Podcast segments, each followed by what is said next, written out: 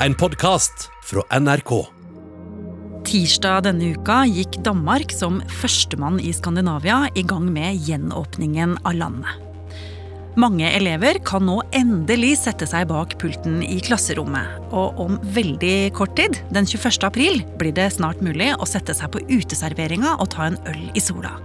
Og svinge innom et kjøpesenter på vei hjem. Hvis man har gyldig koronapass, da. I spissen for det hele står den mektige og egenrådige statsministeren i Danmark, Mette Fredriksen. Hva er det som gjør at hun tør å åpne landet? Og er det hele bare et politisk spill?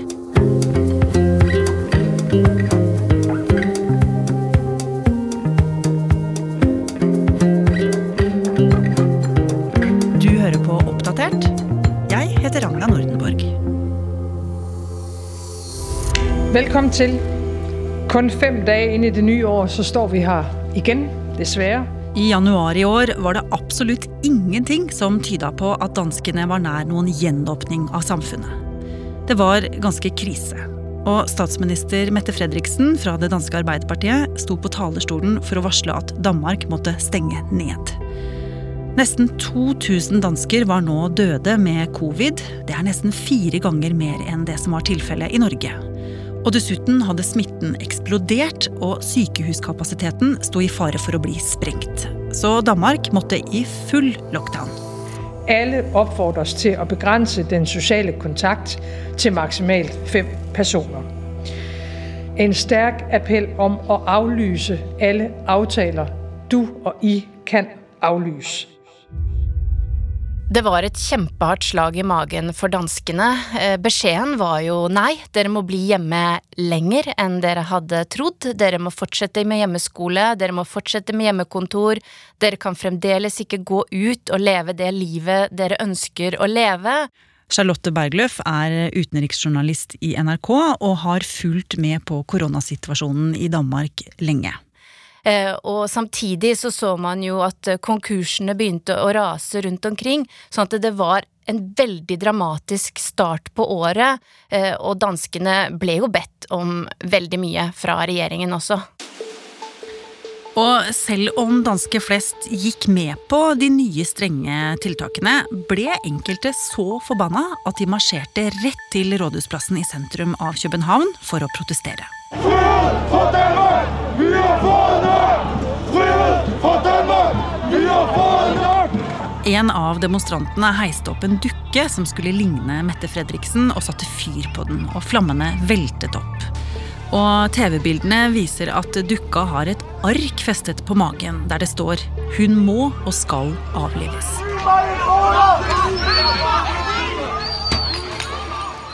Hva Mette Fredriksen tenkte da hun så den brennende dukka, vet vi ikke. Hun kommenterte det aldri. Men det vi vet, er at hun uansett trengte en ny plan for å bli kvitt koronaen i Danmark. Hun skjønte at en langvarig nedstengning ville få alvorlige konsekvenser for landet, og hun måtte finne nye løsninger for å slå ned viruset, sånn at samfunnet kunne åpne igjen. Og den 43 år gamle Mette Fredriksen hun var jo kjent som både utradisjonell og uredd Charlotte. Dette er jo typisk Mette Fredriksen. Hun ser seg om etter grep å ta, uansett om det blir populært eller upopulært, for hun vil beskytte danskene, koste hva det koste vil.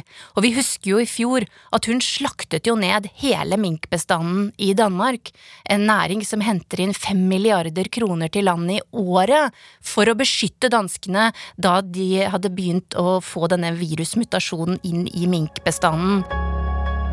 Men det var jo ikke bare enkelt å bli kvitt korona og åpne opp igjen. Det visste alle.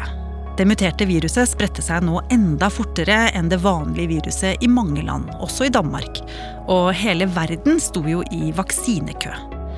Mette Fredriksen trengte derfor en plan. Og hun mente at testing måtte være en sentral del av strategien. Helt siden starten av korona hadde danskene vært gode på testing. Men i februar skrudde Mette Fredriksen til ytterligere. Hun mente at testing var helt avgjørende for å unngå at samfunnet måtte stenge på nytt og på nytt i framtida, med de enorme menneskelige og økonomiske konsekvensene det hadde. Og nå måtte altså danskene venne seg til å bli testet et par ganger i uka. Og store hurtigtestsentre med lange åpningstider ble satt opp. Men dette var ikke nok. Vaksineutrullinga var i full gang i Danmark, i et høyere tempo enn nesten alle de andre EU-landene. Men likevel, Mette Fredriksen syntes ikke det gikk fort nok. Samarbeidet om vaksiner med EU var for treigt, mente hun, og hun la merke til at det var noen andre land som vaksinerte i full fart. USA, Storbritannia og Israel. Og en dag kom det en interessant invitasjon. Ja, Midt under valgkampen i Israel så satte jo statsminister Benjamin Netanyahu seg ned og skrev et brev til flere land i Europa, der han foreslo et uh, vaksinesamarbeid. Altså Han skrev til land som allerede eh, forsøker å få et vaksinesamarbeid innad i EU. Eh, og Erna Solberg takket jo derfor nei, mens Mette Fredriksen tenkte at eh, ja, hvorfor ikke, jeg er villig til å gjøre hva jeg kan for å redde danskene. Og hvis hun kunne på denne måten hente noen vaksinedoser med seg hjem i kofferten, så ville jo det bli en kjempefjær i hatten til henne som Arbeiderpartiets leder også. For Danmark var jo fortsatt i full lockdown, og tiltakene tæra på folk. Så torsdag den 4. mars satte Mette Fredriksen seg på et fly til Israel. Og på ettermiddagen gikk hun opp på talerstolen i Jerusalem. We would like in common also to explore possible cooperation on clinical trials. We agreed that if other nations want to join us, we'll discuss this among ourselves and uh, welcome others to come in as well. Men da Mette Fredriksen satte seg på flyet hjem igjen, da hadde hun ikke bagasjen full av vaksiner. Dette var jo bare et framtidig samarbeid, og kritikken, den kom raskt. Ja, kritikken haglet jo både i Danmark og internasjonalt, fordi for det første så hadde hun jo ikke spurt Folketinget om hva de syntes om dette, og det er vanlig å gjøre før en dansk statsleder reiser ut i verden for å inngå internasjonale avtaler. Og så mente jo noen kritikere at hun hadde blandet seg inn i valgkampen i Israel, eh, altså at eh, Benjamin Netanyahu hadde alt å tjene på at europeiske statsledere flokker til Israel for å lære av hans vaksinestrategi, da. Eh, og det var jo ikke særlig populært. Og så har du jo hele Israel-Palestina-konflikten, som jo er kjempebetent. Og her mente jo noen at nå tar du vaksiner som palestinere kunne ha fått. Og så var jo Frankrike og flere andre europeiske land kjempeforbanna for at hun ikke hadde tillit og tålmodighet til det samarbeidet de forsøker å få til innad i EU. Og dette var jo andre gang på kort tid at Mette Fredriksen fikk kritikk. Bare noen uker tidligere hadde det kommet en rapport som slo fast at hun hadde overkjørt råd fra helsemyndighetene før den aller første nedstengningen i mars i fjor. Hun hadde kjørt sitt eget løp og hadde ikke vært åpen om diskusjonene hun hadde hatt på bakrommet. Men nå var det også en del ting som gikk i riktig retning i Danmark. Smitten hadde gått massivt ned siden jul, og testinga den gikk så det suste. I mars testa Danmark flere personer på én dag enn Norge gjorde på én uke. Og utviklere og ingeniører jobbet på spreng med å få ferdig det nye koronapasset i en app. Et pass som kan vise når en person sist har blitt testet, om hen har hatt korona før, og om vedkommende har tatt vaksine. Men til tross for alt dette, i mars var jo landet fortsatt nedstengt, og mange dansker var slitne av koronatiltakene. Fortsatt var det sånn at mange barn hadde hjemmeskole, og folk kunne ikke klippe håret hos frisøren, og det meste som var gøy, det var jo fortsatt stengt. Kino, idrett, kafeer. Og Mette Fredriksens politiske motstandere begynte å snakke om datoer for gjenåpningen av Danmark. Og også bedriftene ville ha svar. Og Charlotte, Mette Fredriksen begynte å kjenne presset ute i mars. Ja, da er det jo viktig å se på hvor eh, ulike vi også er i Skandinavia. Altså I Norge så lever vi jo i stor grad av oljen, i Sverige har de stor industri, mens i Danmark så lever de jo i stor grad av små og mellomstore bedrifter som driver med mye eksport. danskene er jo mye mer avhengige av de varene de selger til utlandet. Og da er jo spørsmålet eh, hvor lenge skal vi holde på med det her? Kan du i hvert fall si litt om eh, hva du ser for deg? Hvilken dato kan jeg kanskje gå tilbake på jobben? Hvilken dato kan eh, barna mine komme tilbake på skolen?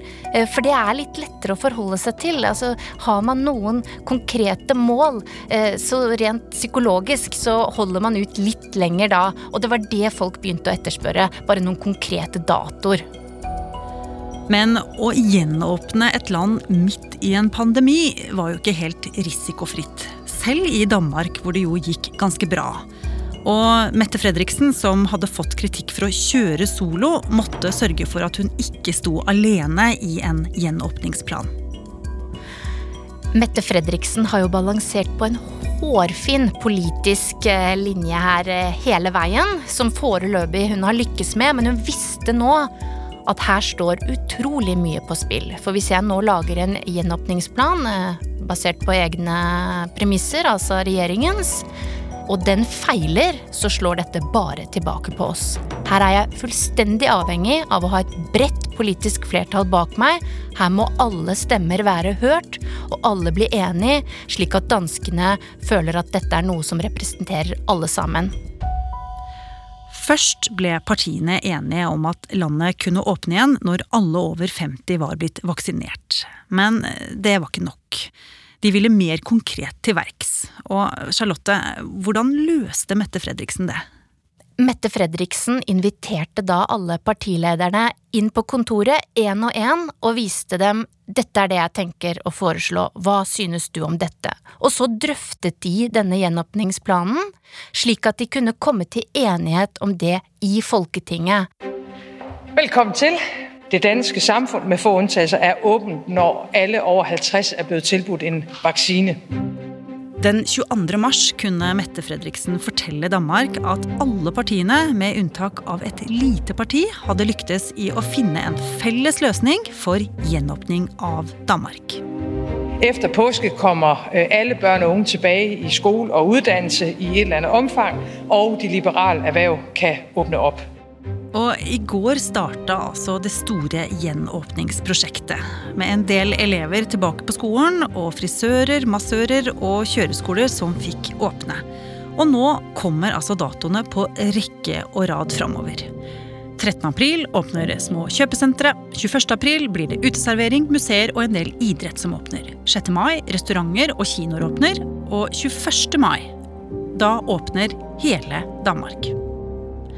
Og det meste av dette det gjelder bare hvis du har et gyldig koronapass og bruker munnbind. Og om smitten holder seg lav. Hvordan kommer dette her til å gå? Altså, Mette Fredriksen og danskene de klarte jo å stagge det voldsomme utbruddet de hadde sånn rett over jul der. Men Charlotte, det er jo fremdeles smitte i Danmark, og vi har jo lært at om man slipper opp, så kommer det jo smitte tilbake.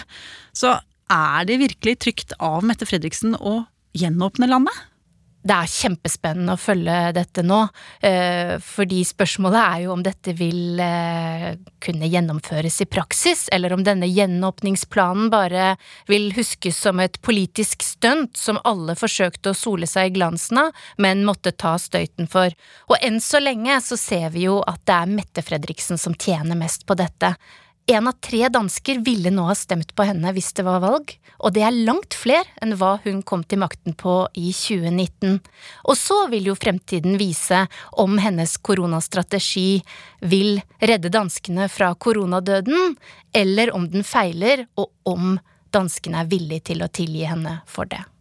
Og gjenåpningsplanen i Danmark går jo ikke like greit for alle. Mandag kveld, bare timer før den store gjenåpninga skulle begynne, varsla myndighetene at ti kommuner måtte utsette åpning av skolene pga. for høye smittetall. Og her i Norge skal statsminister Erna Solberg legge fram planen for gjenåpningen her til lands. Og det skjer den dagen vi slipper denne episoden, nemlig onsdag 7. april.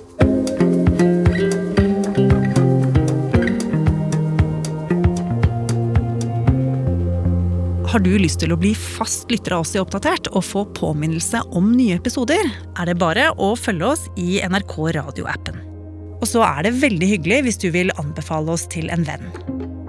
Oppdatert er en podkast fra NRK Nyheter, og denne episoden er laget av Irina Kjelle, Mariann Strand, Andreas Berge og meg, Ragna Nordenborg. Eva Midthun Leira er redaksjonssjef. Vil du kontakte oss, gjør gjerne det på oppdatert krøllalfa nrk.no.